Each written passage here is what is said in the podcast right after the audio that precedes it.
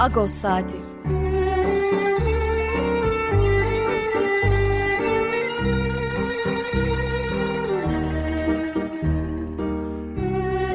Haftalık Agos gazetesinin penceresinden Türkiye ve dünya gündemi. Agos'un mutfağından haberler, söyleşiler, olaylar.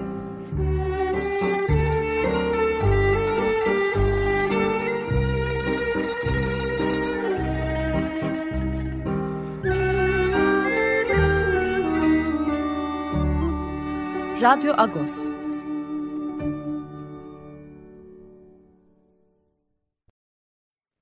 Radyo Agos'tan günaydın Parlus. Yeni bir Radyo Agos'ta karşınızdayız. Ben Yetvart'tan Zikyan. Bugün 6 Mayıs 2023. Ee, neyle başladık? Ee, Ermenistan Radyosu'ndan bir kayıt, 1990 yılından bir kayıt. Suzanna Mardirosyan, bilinen bir opera sanatçısı Ermenistan'da idi. O e, Alexey Konstantinovich Tolstoy'un yani Kuzen Tolstoy'un bir şiirini e, Çaykovski bestelemiş zamanında. E, bu ezgiyle başladık. Suzan Amardilasyon'la başladık. E, evet, e, Radyo Agos'ta bu hafta neler var? Hemen e, programın e, akışını ben e, anons edeyim. İlk bölümde yani birazdan e, bir e, sivil toplum kuruluşları, Türkiye-Ermenistan arasındaki sivil toplum kuruluşları e, temaslarını e, merkeze alan bir rapor yayınlandı Nisan ayında. Şimdi ne olacak e, başlıklı. E, İkinci Karabağ Savaşı'ndan sonra Türkiye-Ermenistan arasındaki sivil toplum faaliyetlerinin e, gidişatını merkeze alan bir rapordu. Bu raporu e, hazırlayan araştırmacılardan e, Armin Avedisyan ve e, Zeynep Sarıaslan e, konuğumuz olacak. Aynı zamanda e, gazetemizin e, muhabirlerinden editörlerinden Vartu İbalyan da konumuz olacak. O da çünkü süreci yakından takip ediyor. Bu hafta Ağustos'ta verdiğimiz söyleşiyi de o yaptı zaten. E, ilk bölümde e, bu raporu konuşacağız. Çünkü e, bir taraftan da siyasette de önemli gelişmeler oluyor. Bir taraftan sivil toplum e, düzeyinde neler oluyor bunları konuşacağız. İkinci bölümde e, bu sefer Pakrat Estukyan'la sohbetimizi ikinci bölümü aldık. E, Pakrat abiyle de e, haftalık olan sohbetimizi hem Türkiye'nin gündemini hem de Ermeni toplumunun, Türkiye Ermeni toplumunun gündemini konuşacağız. E, programımızın akışı e, kabahatlarıyla böyle. E, ben e, konuklarımızı çok fazla bekletmek istemiyorum çünkü Armin Abedisyan Amerika Birleşik Devletleri'nden Boston'dan bağlandı. Böyle gece yarısını geçti e, epeyce bir. E, dolayısıyla hızla aslında programa geçmekte fayda var. E, Günaydın Armin Abidisyan, günaydın Zeynep Sarıaslan ve günaydın Vartu İbalyan. Günaydın Paridus. Paridus. Günaydın Taref.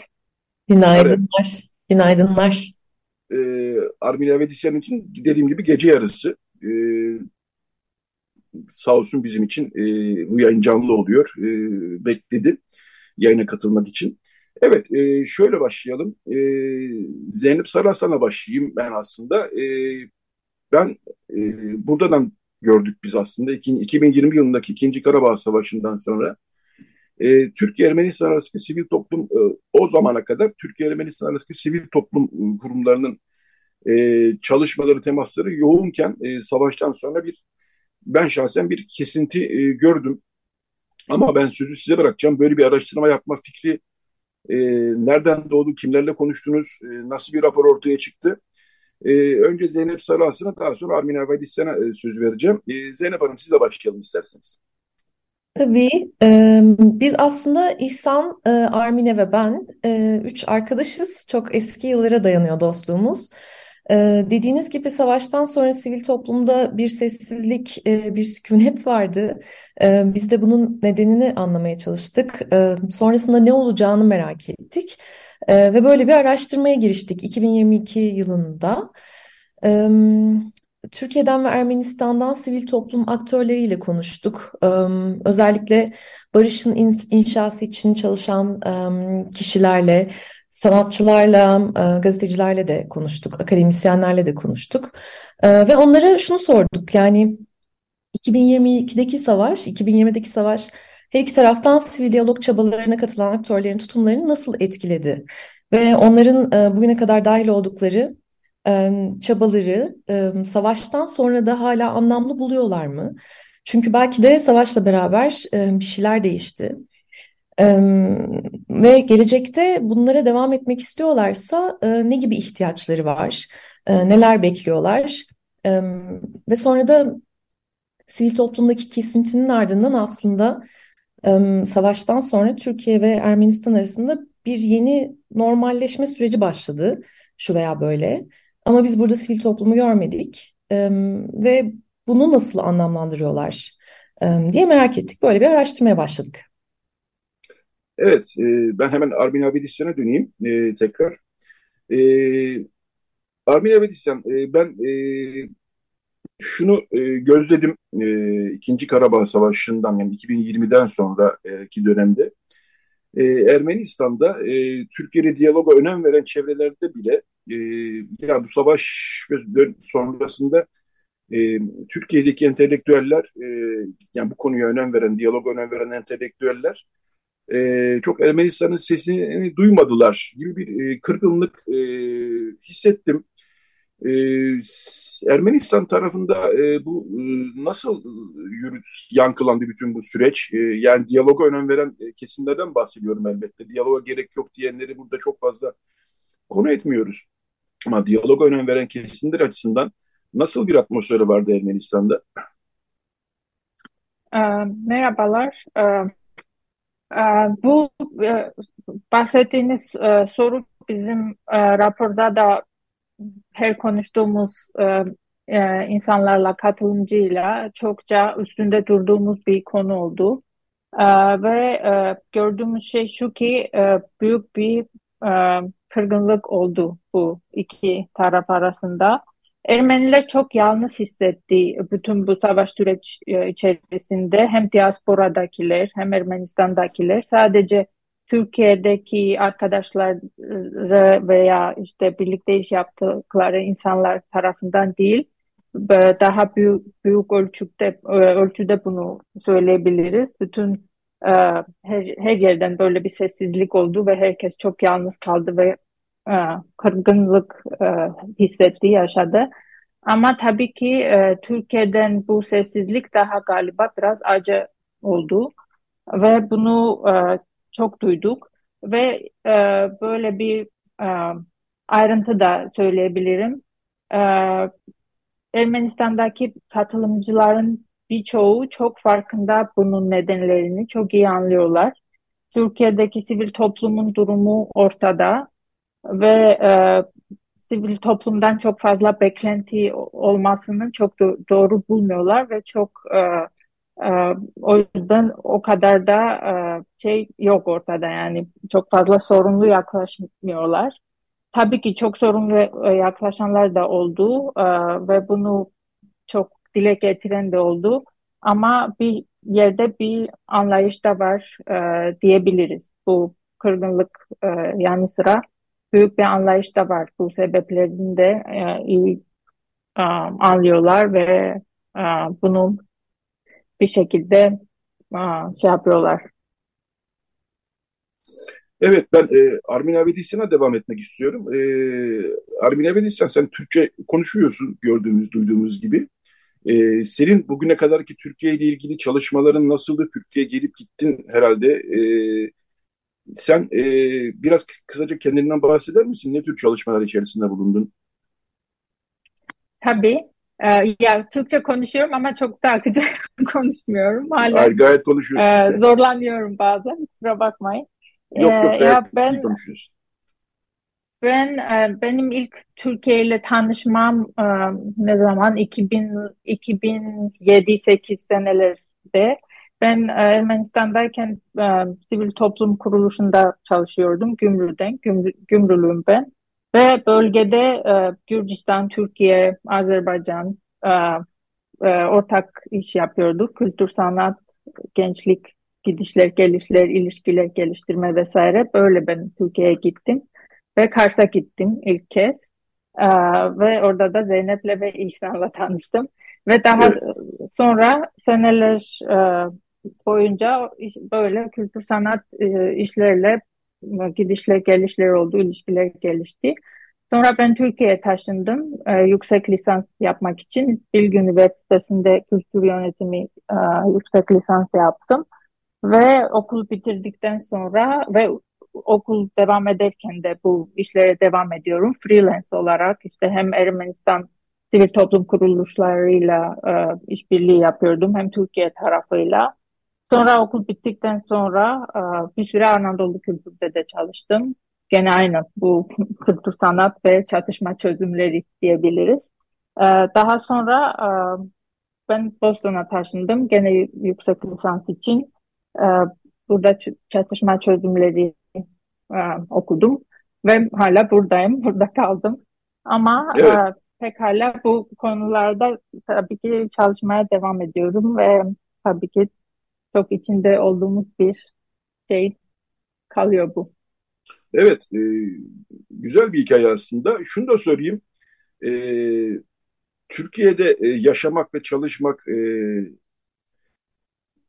Ermenistanlı bir akademisyen, e, araştırmacı için e, ilk başlarda nasıldı? Yani kafanda soru işaretleri var mıydı ve o soru işaretleri kolayca çözüldü mü? E, rahat etti mi Türkiye'de e, ilişkiler açısından, insan ilişkileri açısından? Onu da söyleyeyim hazır e, konuşmaya başlamışken. e, galiba ben biraz şanslıyım e, ve Vartu'nun Vartu'nun de deneyimi nasıl olduğunu da merak ediyorum. Biliyorum tabii ki ama e, e, hem de merak ediyorum. Ya ben şanslı hissediyorum çünkü ben diyebilirim ki büyük ölçüde ben böyle çok kötü bir deneyim yaşamadım Türkiye'de. Ee, hiçbir zaman böyle çok e, feci bir işte ayrımcılığa ya da bir e, böyle bir hikayem olmadı. Bilmiyorum belki de e, içeride olduğum kesimler, insanlar şansıma çok iyi, iyi çıktı hepsi ve bunlardan bir şekilde ben uzak kaldım ama tabii ki Türkiye'ye gitmeden çok fazla soru da vardı kafamda, etrafımda da, çevremde de, Ermenistan'daki çevremde de çok bunu sorgulayan oldu.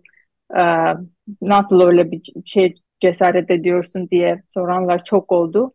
Ama gene de gittim. Çünkü e, hem orada bir aşk hikaye vardı. Bu da bir e, şey oldu. Benim eşim İhsan işte bu projede de yer alan evet. Türkiye'li. Kars, Kars'ta biz, biz tanıştık. Ve o, o, onun da etkisi oldu tabii. Um, ama tabii sorular vardı ve korkular da oldu. Ama gene de gittim ve hiç pişman değilim e, gittiğim için. E, ama tabii e, bunu diyorum çok sorun yaşamadım ama e, bu hikayeler de çok ol, oluyor. İşte bu lafı çok duydum. Sen nerelisin? İşte ben Ermenistanlıyım. Hayır tamam olsun. Bu cümleyi çok duydum ve yani evet. en, galiba en büyük şeyim bu. Travmam bu. Evet.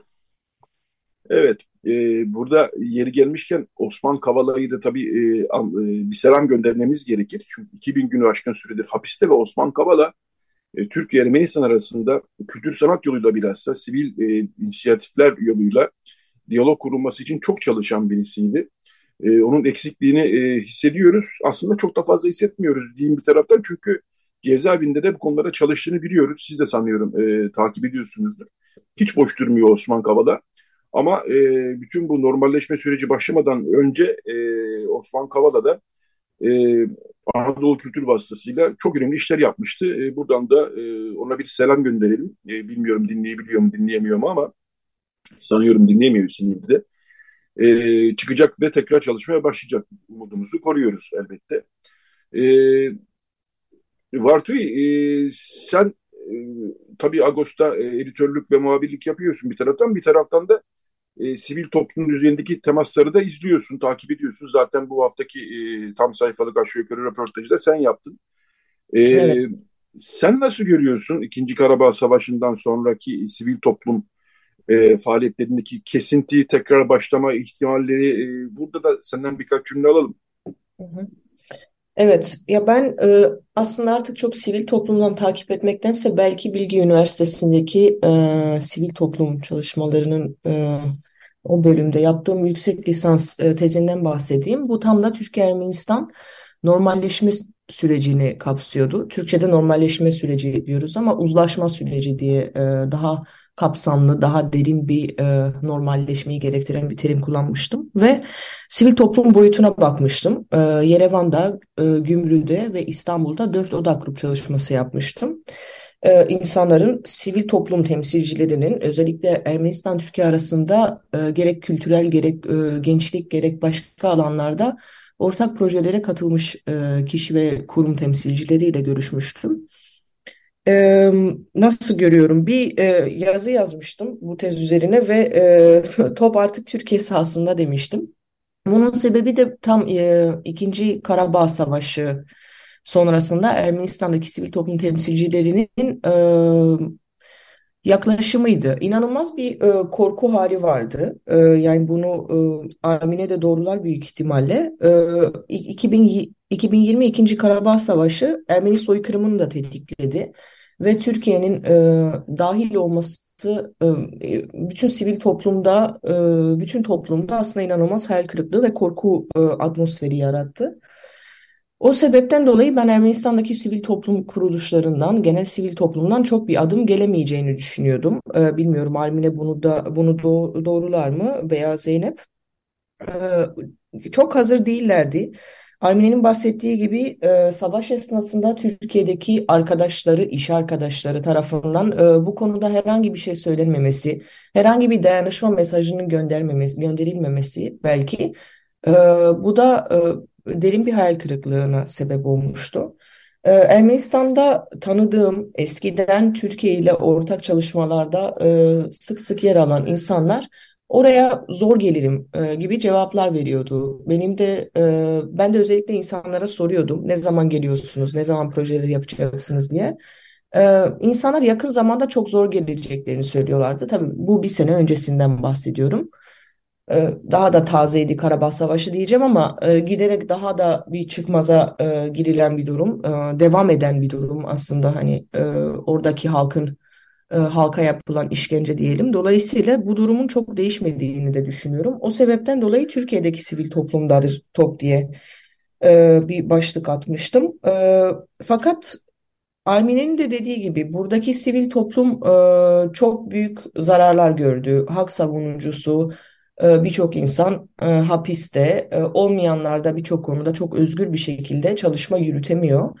Ee, keza Osman Kavala, Türkiye-Ermenistan projelerinde e, en aktif rol alan insanlardan biriydi veya Türkiye'deki Ermeni kültürünü korumak üzerine yapılan projede projelerde çalışmalarda ya bu durumda e, bilmiyorum Türkiye'den aslında ben belki e, Zeynep ve Armine'ye bir sorum olabilir. E, onlar ne düşünüyor çok merak ediyorum. Türkiye'den sivil toplum günümüzde e, Ermenistan'la işbirliği, Ermenistan'la ortak çalışmalar açısından adım atmaya hazır mı sizce? Ben devralayım burada birazcık. Tabii. Hem Zeynep seninle başlayalım. geçti, evet hem de aslında raporun içeriğinden de bahsetmek isterim bu soruya cevap verirken.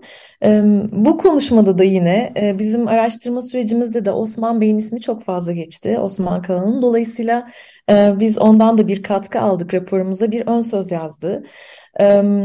Ve araştırma süresince katılımcılarımızın hepsi onun eksikliğinin e, ne kadar süreci belirler e, olduğundan bahsetti. Çünkü belki o dışarıda olsaydı e, bu bahsettiğimiz e, eksikliği duyulan bu Türkiye'den gelecek tepki e, belki birazcık daha gür olabilirdi, e, daha yüksek sesle yapılabilirdi.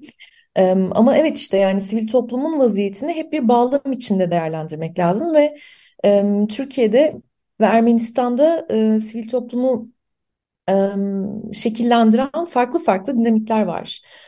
Sadece Türkiye'de değil Ermenistan'da da mesela değişik bir değişim sürecinden bahsedebiliriz sivil toplum söz konusu olduğunda. Ama toplumun geneli yani biz her ne kadar sadece sivil toplum aktörleriyle konuşmuş olsak da onlar kendi dünyalarını anlatırken elbette içinde bulundukları topluma dair bir sürü bir şey söylediler. Ee, öne çıkan şeylerden birisi örneğin e, medyanın bu süreçteki rolüydü. Toplumun genelinde bir farkındalık olmadığı zaman özellikle e, bilgi dediğimiz şey propaganda ve e, dezenformasyona bazen nefret nefret söylemine döndüğü zaman böyle çıkışlar yapmak, bir söz söylemek, e, sınırın karşısına dair bir dayanışma göstermek e, zor oluyor. E, bu sadece Türkiye için değil, Ermenistan için de geçerli bu arada. E, ve biz araştırmayı yaptıktan sonra bir de Kars'a gittik. Araştırmamızın en sonunda da e, böyle bir kısım var. Özellikle sivil toplumu uzun uzun anlattık aslında ta 1990'ların başından beri. Ve bugün artık gelinen çıkmazı birazcık vurgulamaya çalıştık. Çünkü görüşmecilerimizden öyle cevaplar geldi bize. Ardından da biz Kars'a gittik. Yolumuz Kars'a tekrar düştü. Üçümüz beraber ve bir epilog yazdık orada sınırın açılmasına dair beklentileri ve e, Ermenistan tarafından ne kadar farklı olduğunu gördük aslında. Burada çok olumluydu mesela Türkiye'deki insanlar ve e, bizim raporumuzda yine vurgulamaya çalıştığımız şeylerden bir tanesi e, sivil toplum denince genellikle belirli organizasyonlar e, ortaya çıkıyor. Ama yerelde de bir sivil toplum diye bir şey var aslında. Hem Türkiye'de hem Ermenistan'da yine. E, ve onların farklı beklentileri var daha ataklar, daha istekliler bir şeylere başlamak için. Ve işte raporun sonundaki küçük gözleminizde bunu bulabilirsiniz. Ben bu kadar söyleyebilirim şimdilik. Belki Ermine ekler. Ben şunu ekleyebilirim. Çok biraz farklı sayfalarda bir şekilde iki taraf ee, özellikle bunu sınırda daha çok hissettik. İşte Kars'takiler çok istekliler, çok hazırlar ve her şeye böyle daha ekonomik gözüyle bakıyorlar. İşte kendi ekonomik çıkarlarıyla özetleyebilirim. Böyle bakıyorlar. Sınır açılsın da hayatımız değişsin, canlansın diye. Ama e, şey farkındalığı yok. İşte karşı taraftaki e, insanlar bunu nasıl hissediyorlar? Bu kocaman savaş olduğu e, oradaki değişim nasıl oldu, insanlar neler yaşadı ve bu sınır açılması onlar için ne demek, onlar istiyor mu istemiyor mu yani hiç o sorular falan hiç yok yani etrafta. O yüzden bayağı e, farklı yerler, yerlerde ve e, birazcık sorunlu geliyor bu şey bana ve e, sınır açılırsa gerçekten buna ne kadar ne kadar hazır e, bu insanlar ne kadar iki taraf ee, bunu nasıl e, ele alabilirler ve ne kadar başarılı bunu yapabilirler emin değilim. Ee, e, evet, burada durayım. E, Armine ben e, Armine diyeceğim e, artık e, tanışıyoruz. Tabii. E, şunu sormak istiyorum. E, sınırın açılması tabii bir beklenti e, normalleşme sürecinde. Şimdi bu e, yeni e, gelişmelerle biraz hava sahasının kapanması biraz sekteye uğramış gibi görünse de sınırın açılması bir beklenti. Peki e, yani Kars tarafından bahsediyoruz. E, işte e, ekonomik biraz kaygılarda da olsa istiyorlar. Hemen öbür tarafta Ermenistan'ın öbür tarafında Gümrü'de olsun, diğer kentlerde olsun aynı çapta bir heyecan var mı yoksa sınır açılırsa ne olacak gibi bir belirsizlik ve kaygılar mı var Ermenistan tarafında? Sana sorayım Armine. Ee, savaştan önce bence Gümrü'de de bayağı istek vardı ve bayağı insanlar heyecanlı, heyecanlıydı. Fakat e, savaştan sonra hiç bunu böyle olduğunu hissetmiyorum, duymuyorum. E, belki e, Erivanlılara nazaran bir tık daha e, açık olabilirler gene Gümrü'dekiler ama çok fazla sorular da var. İşte sınır açılır ama ya Türkiye bize işte ekonomik olarak bastırırsa ya işte expansion yaparsa buna bunun önlemleri yeterince alınabilir mi? Nasıl olur? Ee, amalar daha fazla. Şu an amalar işte sorular, kaygılar çok daha fazla eskisine nazaran. Evet, e, birkaç dakika sonra bir reklam arası vereceğiz, kısa bir ara vereceğiz ama ben e, yine de e, konuya gireyim. Şimdi e, ilginç bir durum yaşıyoruz aslında. E, yani o Karabağ Savaşı, ikinci Karabağ Savaşı'nda milliyetçilik e, Türkiye'de çok fazla yükselmişti. Ermenistan düşmanlığı çok fazla yükselmişti. Ermenistan tarafında da benzer bir durum vardı aslında. Fakat e, savaşın bitmesinden sonra yani Azerbaycan istediğini bir ölçüde aldıktan sonra, Türkiye'de istediğini bir ölçüde aldıktan sonra bu sefer birdenbire bir normalleşme süreci başladı. Her e, hükümetlerin ikisinin de kendine göre gerekçeleri var bununla ilgili. E, bu sefer de e, yani temas olsun temas olsun derken sivil toplum kuruluşları e, o zamana kadar birdenbire hükümetler arasında bir temas e, başladı. Bu sefer sivil toplum dışarıda kaldı gibi gözüküyor. E, yani İkinci Karabağ Savaşı'nın atmosferi bir kenarda dururken bir de böyle bir durumda sanıyorum sivil toplumu dışarıda e, bir yandan yani hükümet devreye girince sivil toplum birdenbire kendini dışarıda kalmış hissediyor. İster istemez dışarıda kalıyor veyahut da.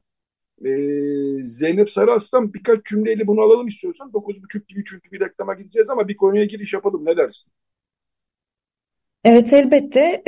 Biz zaten tam olarak da bu son derece göze çarpan bulgu üzerinden bir şeyler söylemek istedik. Yani sivil toplum her zaman normalleşme süreci aslında yani normalleşme değil de artık buna ne diyeceğiz? Türkiye ve Ermenistan arasındaki ilişkilerin bir şekilde düzenlenmesi, regüle edilmesi, kurulması sürecinde sivil toplum her zaman çok önemli, çok merkezi bir role sahipti. Ama bu son süreçte orada değil. Bu biz biliyoruz ve gördük ki sivil toplumun arzu ettiği bir şey değil. Sürecin getirdiği bir şey. Bu kesinlikle istedikleri bir şey değil ve kaybettikleri bir güç, bir alan var gibi orada. Az önce de konuştuğumuz gibi çeşitli sebepleri var her iki ülkede de bunun. Belki reklamdan sonra birazcık daha fazla bahsederiz. Ama dahil olabilmeleri için belki yerel örgütleri işin içine daha fazla katıp bu yerel örgütlerdeki insanların kendi siyasi aktörlerine baskı yapmasını sağlayabilirler gibi bir öneride bulunduk naçizane. Tamam. Peki şimdi kısa bir e, reklam ve tanıtım arası vereceğiz. Bir iki dakika aşağı yukarı. E, daha sonra e, Radyo Ghost devam edecek. Evet ben şimdi e, sözü rejiye bırakıyorum. E, birazdan buluşmak üzere. Radyo Agos. Evet Radyo Ghost devam ediyor. E, reklam öncesi kaldığımız yerden devam ediyor aynı zamanda. Türkiye-Ermenistan sivil toplum ilişkilerini konuşuyoruz. E, radyoların yeni açanlar için de e, tekrar etmiş olayım. Armin Avedisyan, Zeynep Sarıaslan ve Bartu Balyan konuğumuz. E, ben tekrar sözü Armine Avedisyan'a vereceğim. E, biraz da Armine Avedisyan'a pozitif ayrımcılık yapıyorum. Çünkü biz Türkiye'de e, yani Türkçe konuşan Ermenistan'dan e, insanlar çok fazla bulmuyoruz. E, Ermenice konuşuyoruz tabii ama radyoya yansıtmak zor oluyor. Açık radyoya yansıtmak zor oluyor. Türkçe konuşmak açısından. O yüzden Armine biraz pozitif ayrımcılık yapıyorum. Vartu'yu da yapacağım birazdan Vartu'ya da. Vartu'yu bazen bize konuk oluyor tabii.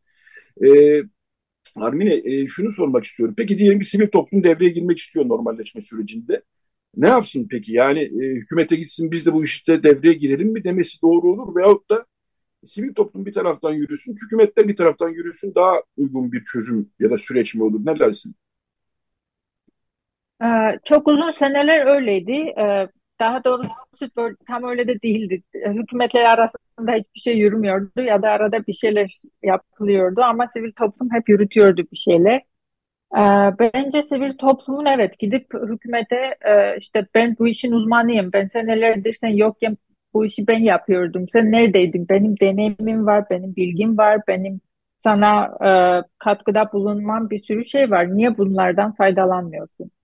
Ve biz bu araştırmayı yaparken çokça sivil Ermenistan tarafından özellikle çokça e, katılımcının tarafından bunu duyduk. İşte biz bazen konuşuyorlar bizimle diyorlar. E, hükümetten bazılar işte arada bir konuşuyorlar. Ama e, bu duyduklarını harekete geçirme zamanı gelince hiçbir şey değişmiyor diyorlar. Hiçbir e, harekete geçme yok duydukları şeyler orada kalıyor bir yerde. Ee, bu biraz e, sivil toplumun eksiği değil, bence bu hükümetlerin eksiği, sivil toplumun bu deneyiminden ve bu bilgiden e, faydalanmamaları e, onların eksiği daha çok, onların eksiği olarak görüyorum daha çok. Sivil toplumda evet daha çok baskı yapabilir belki de gidip bize bu işin içine katıp faydalanmamız gerekiyor diyebilirler galiba. Evet, e, aynı soruyu Zeynep Saransan'a da sormak istiyorum. Yani sivil toplum, işte aynısını sorayım Akçı, tekrar etmek istiyorsanız. ne yapması lazım sivil toplumun? Evet, e, raporumuzu birazcık böyle biz e, şekillendirmeye çalıştık. O yüzden bir öneriler kısmı var. Burada e, çeşitli şeylerden bahsettik. İşte bulgularımız üzerine e, söyledik. Yani ilk yapması gereken şey sivil toplumun, şimdi bu az önce de bahsettiğimiz gibi savaş sırasındaki sessizliğin yarattığı kırgınlığı bir çözmeye çalışmak öncelikle. Belki e, bir araya gelip e, kendi aralarında daha güçlü e, bir dayanışma e, kültürü kurabilmek için Öncelikle o kırgınlıkları ortadan kaldırmaları gerekir. Sonra şunu fark ettik bu yani evet arkadaşlıklar bazı iletişimler şu veya bu şekilde devam ediyordu savaş sırasında belki sonrasında. Ya aslında bütün bu kopukluk Covid'le başladı hatırlarsınız gidip gelememeler falan başladıktan sonra. Ama yani bilgi alma kanalları o kadar sınırlı ki doğru bilgiye ulaşmak, e, sizden bahsediyorlar, e, Agos'tan bahsediyorlar. Bu gerçekten sağlıklı bir şey. Oradan en azından takip edebiliyoruz diye mesela Ermenistan'dan, Türkiye'den de. E, ama onun dışında bir kendi aralarında bir iletişim platformu oluştursalar belki çok daha hızlı aksiyon alabilecekler bu gibi durumlarda ve normalleşmeye dahil olma sürecinde de. Yine az önce söylediğim gibi Türkiye'deki ve Ermenistan'daki bağlam bağlamı şekillendirmek çok önemli. Özellikle Türkiye'de Karabağ'a dair çok az bilgi var. Bu çatışmanın ne olduğunu bilen çok az insan var, anlayabilen. Bu konuda daha fazla belki çalışmalar yapılmalı. Azerbaycan'ın işin içine dahil edilmesi harika olabilir diye düşündük. Elbette ki bunun önünde bazı engeller var hepimizin bildiği işte Azerbaycan'daki sivil toplumun sınırlılıkları gibi. Yok edilmesi neredeyse yani. Ya evet, evet öyle maalesef. Fakat gene de şu veya bu şekilde dışarıdaki belki Türkiye'de de mesela sürgün gazeteciler, akademisyenler, aktivistler var. Azerbaycan'ın sürgünleriyle de belki bir şeyler yapılırsa bu Karabağ Türkiye'de birazcık daha anlaşılabilir. Ermenistan ve Türkiye, Azerbaycan arasındaki ilişki, Türkiye ve Ermenistan arasındaki ilişkiyi neden bu kadar çok şekillendiriyor? Belki bu birazcık daha toplumun daha geniş kitlelerine anlatılabilir diye düşündük. Bunu da tabii gazeteciler üzerinden yapmak iyi olabilir. Zaten yıllarca sivil toplum Türkiye ve Ermenistan'daki gazetecilerin haberlerini şekillendirebilmek için bu barış yönünde çeşitli çalışmalar yapmıştı. Bu çalışmalara devam etmek çok faydalı olabilir diye düşündük. Ve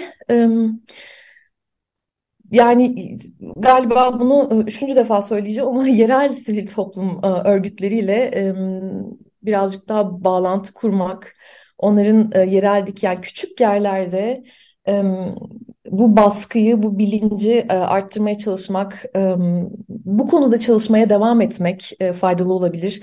Biz farkındayız Türkiye ve Ermenistan arasında herhangi bir çalışma yapmanın özellikle milliyetçiler tarafından, ultra milliyetçiler tarafından nasıl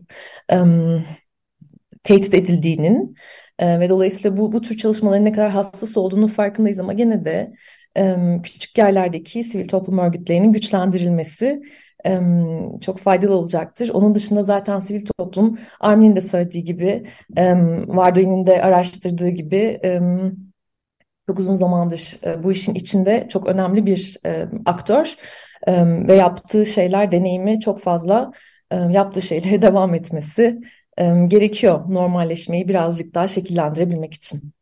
Evet, Vartu'yu unutmadık tabii. Bir, bir zamandır ona söz gelmedi ama Vartu'yu şunu söyleyeyim ben, ben de sana. Artık son 5-6 dakikamız. Türkiye Ermenistan arasında gene de iyi kötü bir sivil toplum faaliyeti var. Fakat Ermenistan Azerbaycan arasında aslında bir de öyle bir mesele var çünkü aslında ve bunlar artık ister istemez birbirine bağlanmış vaziyette. Ermenistan Azerbaycan arasındaki sivil toplum ya da e, sivil aktörlerin diyalogu e, son zamanlar yani bilhassa 2. Karabağ Savaşı'ndan sonra nasıl var mı bir temas? Sen gözleyebiliyor musun? Takip edebiliyor musun?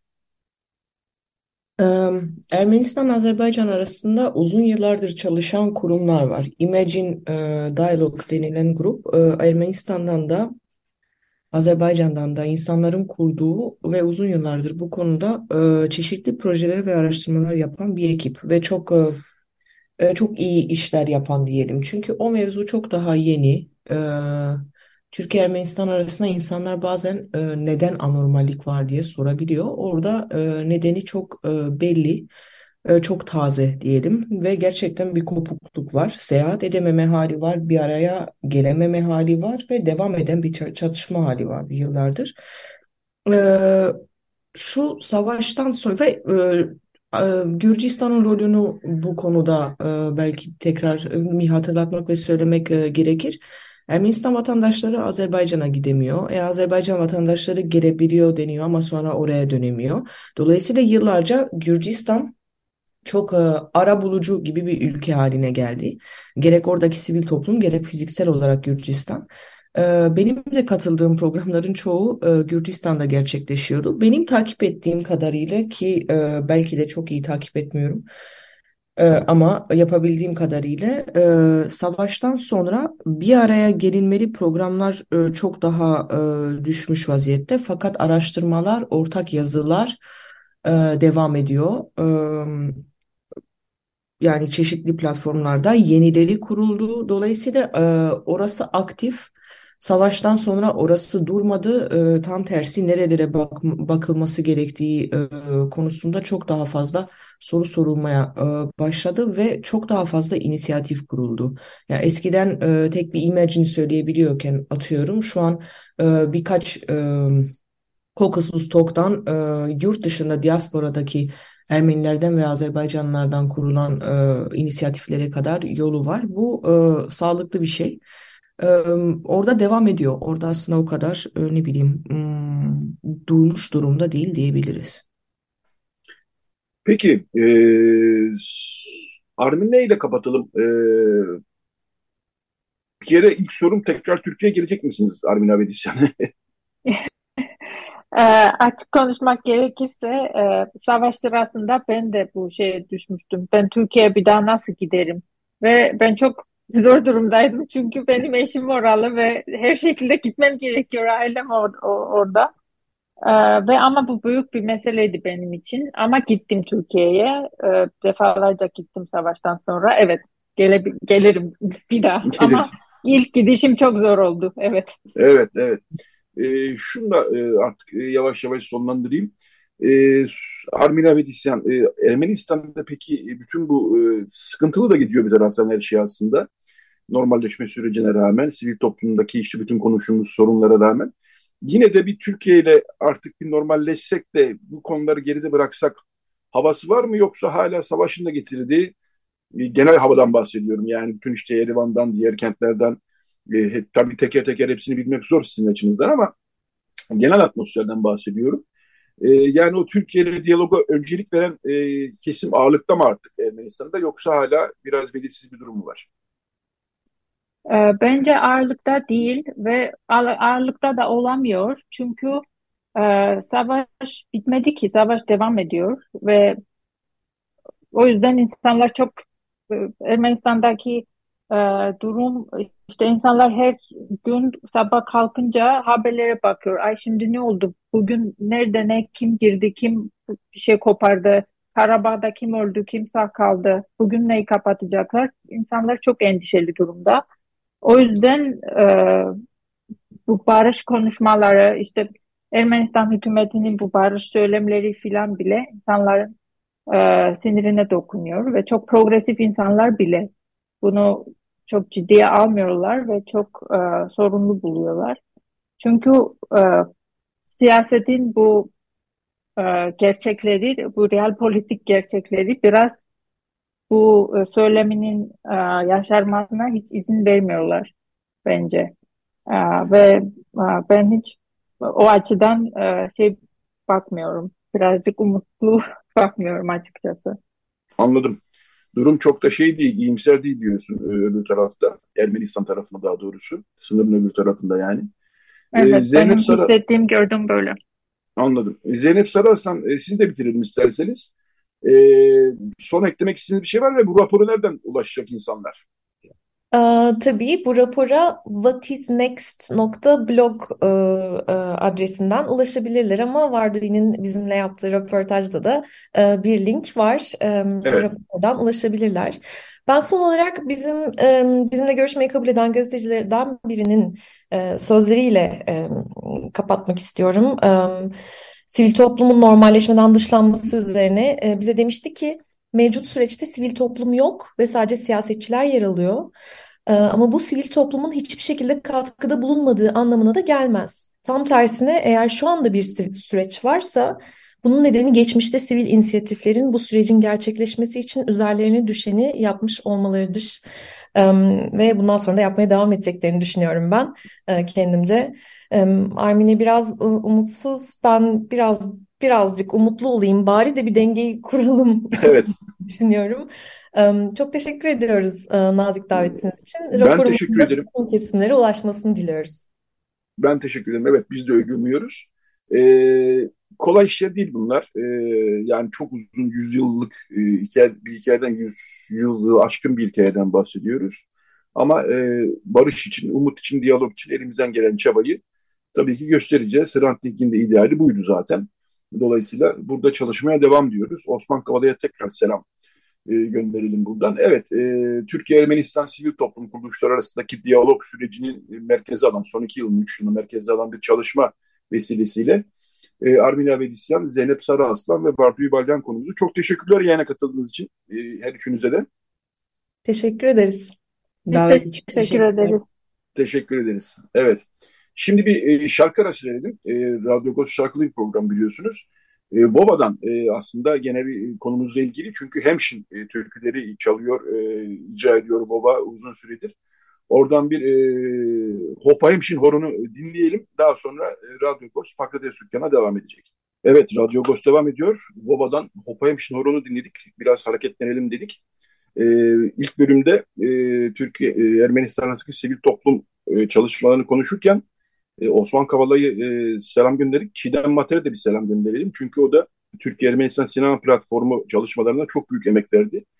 Gezi tutuklusu bir yıl aşkın süredir diğer gezi tutuklularıyla birlikte o da cezaevinde. Buradan da tüm gezi tutuklularına da ve Çiğdem Mater'e de bir selam gönderelim. E, evet, Pakrates Türkiye artık konuğumuz. E, haftalık olan sohbetimizi yapacağız. Günaydın Pakrat abi, parlıyız. Günaydın Yetvat Paylus.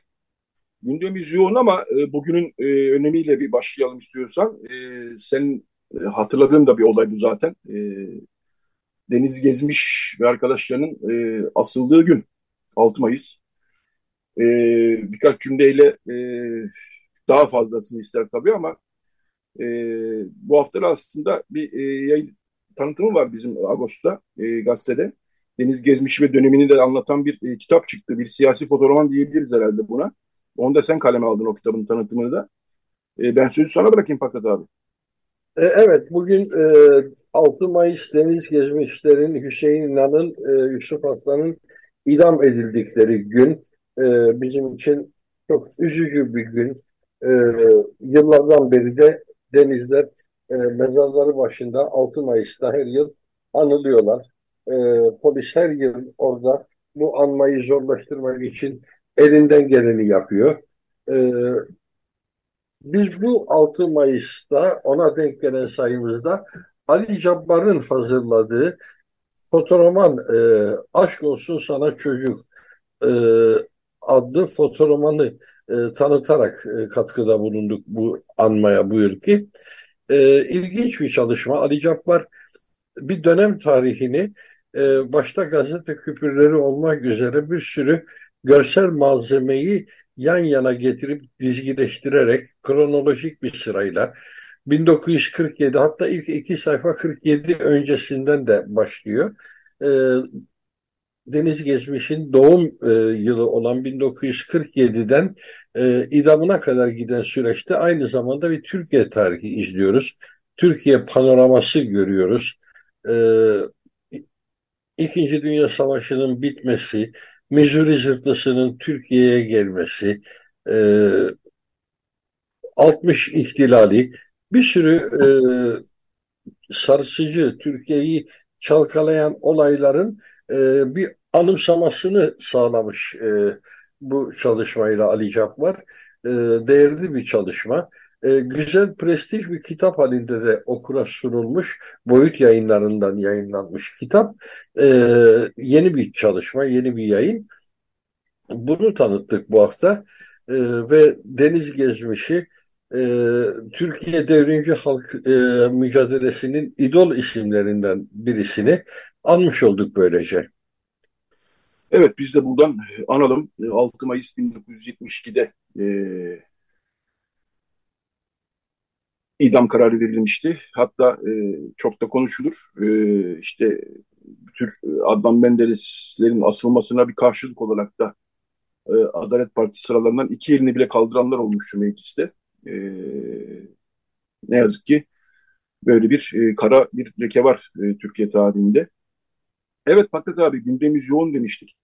E, bu haftaki manşetimiz e, normalleşme sürecinde hava sahası kriziydi. E, ne oldu? Geçen hafta Ermenistan'da e, İttihat Terakki e, o zamanlar 1920'lerde bu soykırıma karışan İttihat Terakki yöneticilerine yönelik bir e, saldırılar, eylemler olmuştu, suikastlar olmuştu. Onları o suikastleri gerçekleştirenler anısına bir anıt açıldı.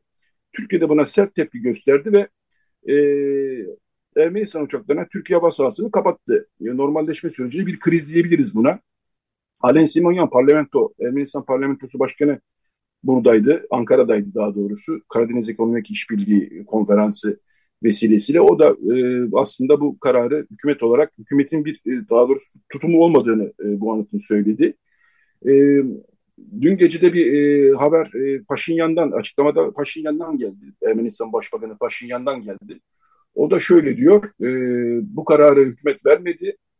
E, benim fikrimi öğrenmek istiyorsanız e, yanlış bir karar verildi de bu kararın uygulanması da yanlıştı diyor ve genel birimlerin yaptığı bir iş olarak bakıyor buna ve şunu da söylüyor. E, demokrasinin e, özelliklerinden bir tanesi de hükümetin ya da hükümet başkanının her şeyi kontrol edememesidir diyor. Bilmiyorum bu açıklamalar krizin çözülmesine faydası olur mu yoksa nasıl devam edecek bilmiyoruz ama e, sen neler söylersin? Bu açıklamalar özellikle bana bir anlayış farkını düşündürüyor. E, daha yeni yeni e, demokrasi sıralamasında e, ifade özgürlüğü sıralamasında e, Türkiye'nin ve e, Türkiye'nin yerini konuştuk. E, Türkiye 18 basamak falan daha geriye gitti son açıklamadan, son sıralamadan bu yana. E, ve Türkiye 160 küsürüncü yerdeyken 180 ülke arasında, 178 ülke arasında e, Ermenistan 50'li rakamlarda bir yerde duruyordu. Bu da iki ülke arasındaki anlayış farkını da siyasetçiler arasındaki anlayış farkını da düşündürüyor. Bunu şunun için söylüyorum. Paşinyan dün bir açıklama yaptı ama e, Ermenistan hükümeti bu minvaldeki açıklamayı birkaç gün önce de yapmıştı. Buna karşılık Mevlüt Çavuşoğlu'nun değerlendirmesi bizi kandıramazlar. Yani bu açıklamayı böyle değerlendiriyor. E, bir kez daha görüyoruz ki Ermenistan'da e, hükümet her şeyin sahibi değil. Orada bir tek adam rejimi yok. Farklı güçler, farklı iradeler ortaya koyabiliyorlar. E, ve bunlar her zaman hükümetin desteklediği veya benimsediği e, eylemler olmayabiliyor. Ama bunu Türkiye'den hele ki bugünkü e, yürürlükte olan siyasetin, o siyaseti uygulayanların anlaması mümkün değil. Onun için de bizi kandıramazlar diye tepki gösteriyor bu açıklamalara e, Mevlüt Çavuşoğlu. Kimsenin kimseyi kandırdığı falan yok. Orada tablo böyle gelişiyor. Yerel otoritelerin kendine özgü alanları, güçleri var ve onlar bunu bugün değil ta Sovyet zamanında bile yapabiliyorlardı. Ee, bunu Türkiye'den algılamak zor. Ee, Sovyet hükümetinden e, habersiz Ucan köyünde Antranik heykeli açıldığı zaman e, heykel açıldı, bitti, benimsendi ve ondan sonra Sovyet rejiminin o heykeli oradan kaldıracak gücü hiçbir zaman olmadı. Bugüne kadar da olmadı. Sonuçta Nemesis e, eylemleri Türkiye'den başka türlü algılanıyor, Ermenistan'dan başka türlü algılanıyor. E, aynen 24 Nisan soykırımı anmalarının Türkiye'den başka türlü Ermenistan'dan başka türlü algılandığı gibi e, Türkiye'de tuhaf bir hassasiyet var. Her eylemin içerisinde bir Türk karşıtlığı, Türk düşmanlığı arayan bir akıl var. Oysa bazı şeylerin bununla hiç ilgisi yok. Türk düşmanlığıyla hiç ilgisi yok. Yani İttihat Terakki'nin soykırım kararı veren, bunu uygulayan kadrolarının e, Türkiye'de kahraman olarak görülmesi, oradaysa insanlığa karşı suç işlemiş figürler olarak algılanması iki ülkenin yaklaşım farkından kaynaklanıyor. E, bunu net görmek lazım. Bu konuda artık e, biraz daha empati yapabilme yeteneğine sahip olmak lazım. Bunu yıllar öncesinde Milliyet Gazetesi'nde e, okuduğum bir röportajda Hagop Sıvazlayan Abdi İpekçi'ye anlatmıştı. Biz 24 Nisan'da ölülerimizi anıyoruz. Türk düşmanlığı falan yapacak gün değil o gün. Biz öyle düşüncelerle e, duygularımızı kirletemeyiz ifadesini kullanmıştı. O günü halkımız gidiyor ve ölülerini anıyor, kayıplarını anıyor, kurbanlarını anıyor. Ama bu mesele Türkiye'den bakıldığında milyonla sayılacak insanın aynı gün ellerinde çiçeklerle o anıta gidip çiçeklerini koyup başlarını öne eğmeleri bir Türk düşmanlığı olarak algılanıyor. E yani bundan bu kadar alınacaksanız bu cürümde olmasaydı keşke. Hem bu cürüm olacak hem de insanlar bunu e, yutkunacaklar, sessizce kabullenecekler. Hatta size hoş gelecek şeyler söyleyecekler. E yok böyle bir dünya. Dünya böyle dönmüyor. Dünya Evet, e, dönmesi Ermenistan için dengeleri karşılıklı olarak doğru algılamak lazım. Sonuçta Ermenistan hükümeti bu e, anıtla ilgili e, bizim kararımız değil ve bizim politikamızı yansıtmıyor dedi. E, bakalım bu kriz nasıl çözülecek? E, Fakat abi e, şimdi saat 10 oldu. Bir reklam arası verelim. Kısa bir reklam arası verelim istersen. E, Olur. reklam reklamdan sonra da e, Türkiye ve e, Ermeni Türk Ermeni toplumunun gündemiyle orada da çünkü çok e, şey var. Yoğun e, gündemimiz. Devam edelim. Ne dersin? Olur tabii ki. Tabii ki. Tamam bir reklam arası verelim o zaman e, Andre. Ondan sonra devam edelim. Radyo Agos. Evet, Radyo Agos devam ediyor. Ne dinledik? Ee, Ermenistan Devlet Radyosu'nun arşivinden bir kayıt. Bella Darbinyan. Bella Darbinyan da iyi bilinen bir şarkıcıydı Ermenistan'da.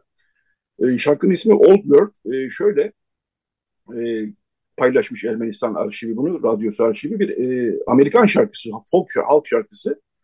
E, bunu e, Melik Mavi Sakalyan yönetimindeki Ermenistan Radyo Televizyonu Varyete Orkestrası eşlik etmiş burada e, Bella Darbinyan'a. 78'den bir kayıt demiştim. Yani o dönemde bir e, Amerikan folk şarkısını bu şekilde Rusça seslendiriyor tabii Bella Darbinyan. E, radyoda yer alması da hoş, ilginç. Bilmiyorum fakat öyle bir şey eklemek ister misin? Enteresan geldi bana. E, doğrusun, haklısın, enteresan. Bu şarkı yani 76 kaydı dedin. Muhtemelen 78. 66'da radyo böyle bir şeyi kaydetmezdi. Sovyetler Birliği. Evet.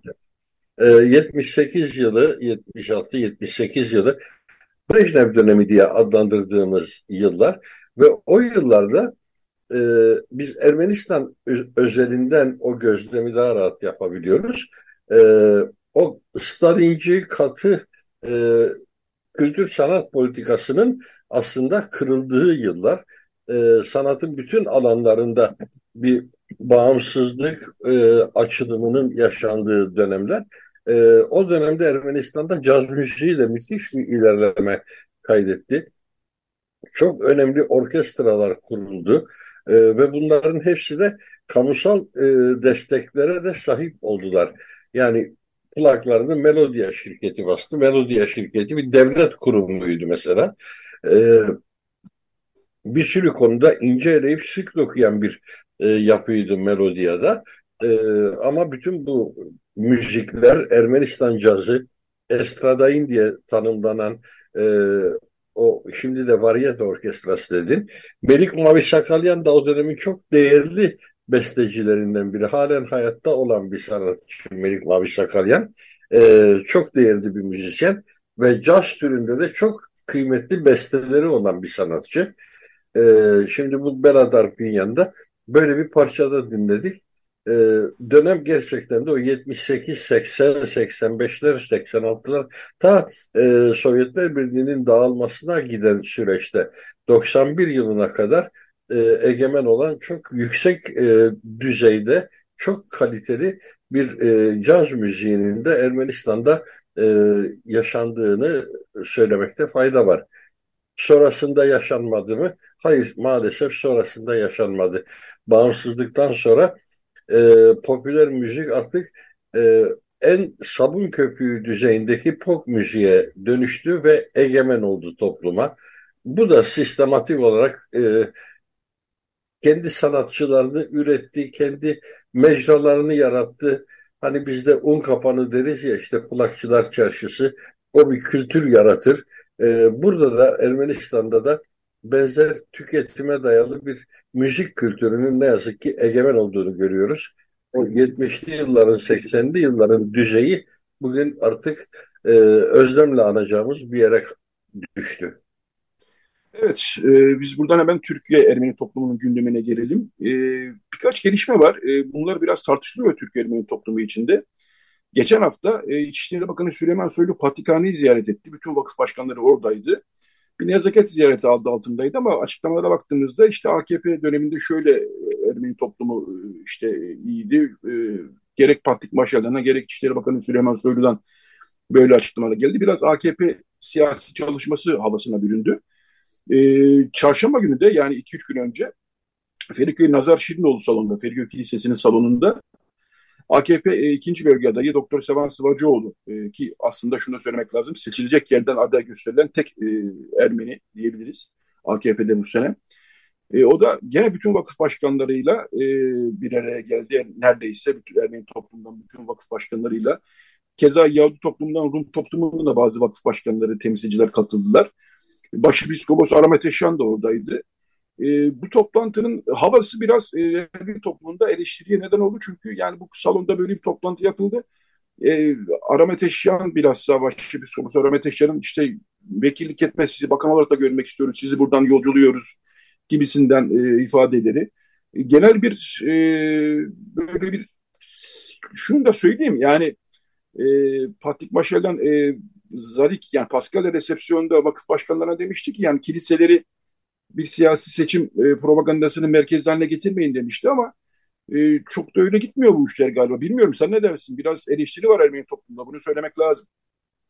Şimdi e, Ermeni toplumunda olsun kilisenin olsun e, sivil toplumun yönetici e, kastının e,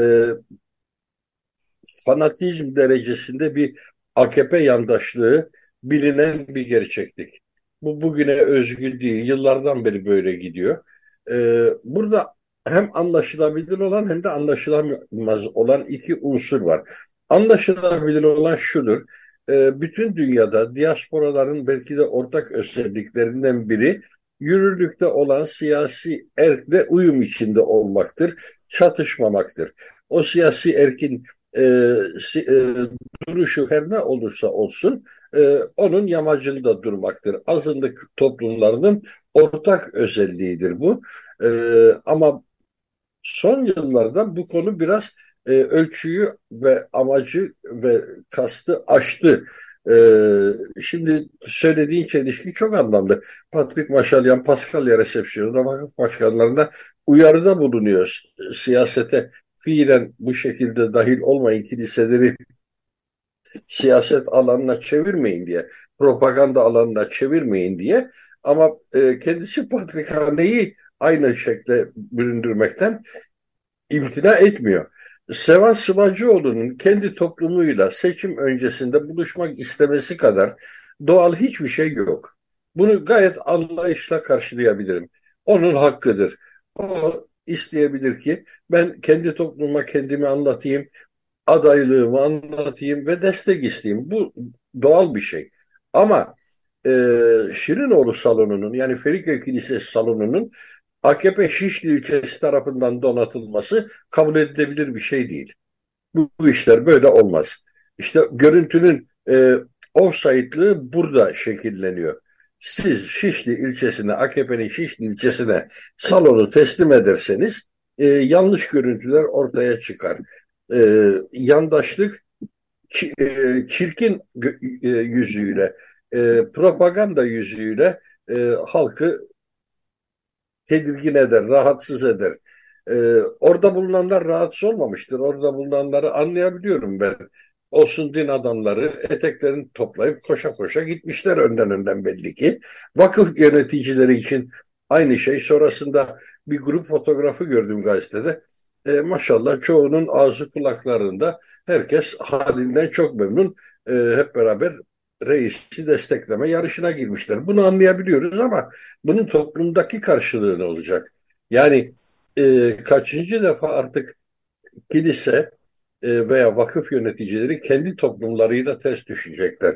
E, burada 2015 seçimini hatırlıyorum. Hani şu HDP'nin e, 80 vekil çıkardığı %13'ün e, üzerinde oy alarak 80 vekil çıkardığı seçimi o dönemde ben Ermeni toplumundan kimi tanıyorsam her karşıma çıkan HDP'ye oy verdiğini söylerken e, o zaman da vakıf yöneticileri ve patrikhane gene aynı hevesle iktidar yanlısıydılar.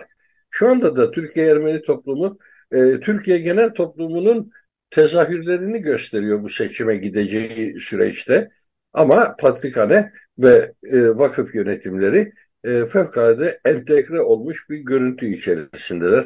Biz bunu eski vakıf yöneticilerine mal ediyorduk genellikle ama belli oldu ki zaman içerisinde değişen bir şey yok. Bir kitle olarak vakıf yöneticileri ayrı bir sınıfı temsil ediyorlar Ermeni toplumu içerisinde.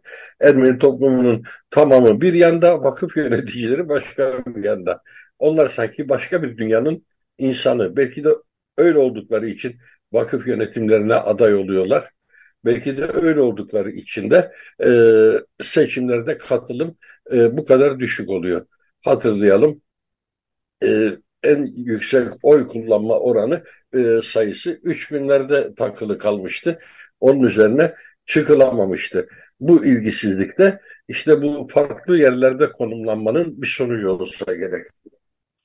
Evet, e, bu açıdan gerçekten e, geç, bu haftayı Türkiye Ermeni toplumu açısından bu tartışmalarla e, bilhassa sosyal medyada, Facebook'ta e, bu tartışmalarla geçirdik diyebilirim. Evet, e, şunu da ben kendi adıma söylemek isterim. tamam, e, mülklerin iadesi konusunda e, yani el konan e, Ermeni toplumunun, el konan Rum toplumunun, Yahudi toplumunun keza el konan mülklerin iadesi konusunda AKP döneminde adımlar atıldı. E, bu evet bir köşede duruyor ama bir taraftan da hayat durduğu yerde durmuyor. Yani işte bakıyoruz e, biraz artık e, seçim kampanyalarına bakıyoruz. Ayrıştırıcı bir dil, e, düşmanlaştırıcı bir dil sürekli iktidar tarafından e, gündeme getiriliyor. E, muhalefet yani altılı masa biraz daha diyalog ve barış dilini, e, sevgi dilini kullanmaya çalışıyor. Yani 2008-2009'un Türkiye'sinde değiliz e, açıkçası. Evet, şunu da biliyorum. Yani e, CHP de keşke seçilecek yerden bir azınlık veyahut da Ermeni'de gösterseydi de o da e, propagandasını yapsaydı. İlla kilise salonuna değil tabii ama en azından daha dengeli bir tutum olabilirdi. Burada tabii CHP'nin de hatta ve hatta HDP'nin de kendini sorgulaması gerekir diye düşünüyorum. Çünkü bu seçimde sadece e, Yeşil ve Sol Parti'nin yani HDP'nin içinde olduğu Yeşil ve Sol Parti'den bir Süryani aday Mardin'de e, George Aslan seçilecek yerde. Bir de e, AKP'den Sevan Sıvacıoğlu seçilebilecek bir yerde. CHP e, bilhassa bu konuda hiç harekete geçmedi. E, ama genel e, seçim atmosferine baktığımız zaman da artık e, 2008'in 2009'un e, denkleminden çıktığımızda görüyoruz. E, bilhassa da e, ekonomik kriz mesela diyelim ki yani Ermeni toplumunun tek meselesi e, mülklerin iadesinin ötesinde ekonomik bir kriz de olması lazım değil mi? Yani bu kadar e, sadece kendimizle ilgili konulara bakıyoruz. Türkiye'nin geri kalanıyla ilgilenmiyoruz havası da çok e, doğru değil diye düşünüyorum. Bilmem ne dersin? Tabii ki bütünüyle haklısın. Çünkü Türkiye Ermeni toplumu e, Türkiye'nin büyük toplumundan e, çok farklı bir e, ortamda yaşamıyor ki.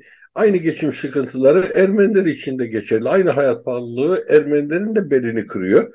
Ee, ülkede demokrasinin bu kadar gerilemesi tabii ki Ermenilerin de sorunudur. Burada e, tapularımızı geri verdiler deyip de e, bütün bunlara rıza göstermek çok anlaşılır bir tutum olmasa gerek.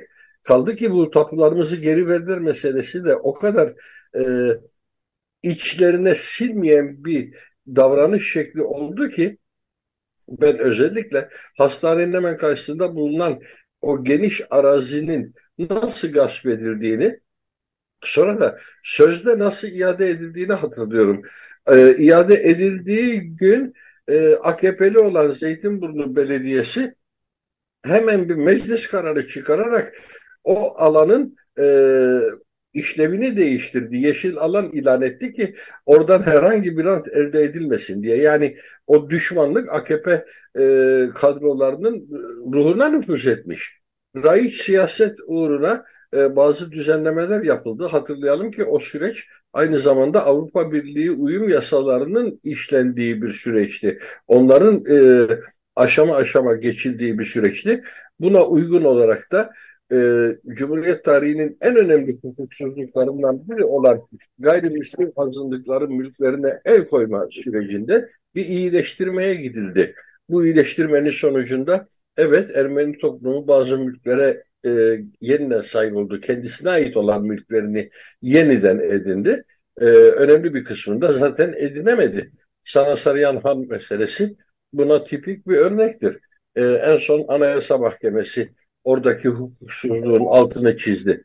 E, bu da beni şaşkına çeviren bir şey oldu. Çünkü daha önce bu konularda ta Dikran Bakar'ın avukatlık yaptığı dönemlerde sürdürülen e, hukuki mücadeleleri hatırlıyorum.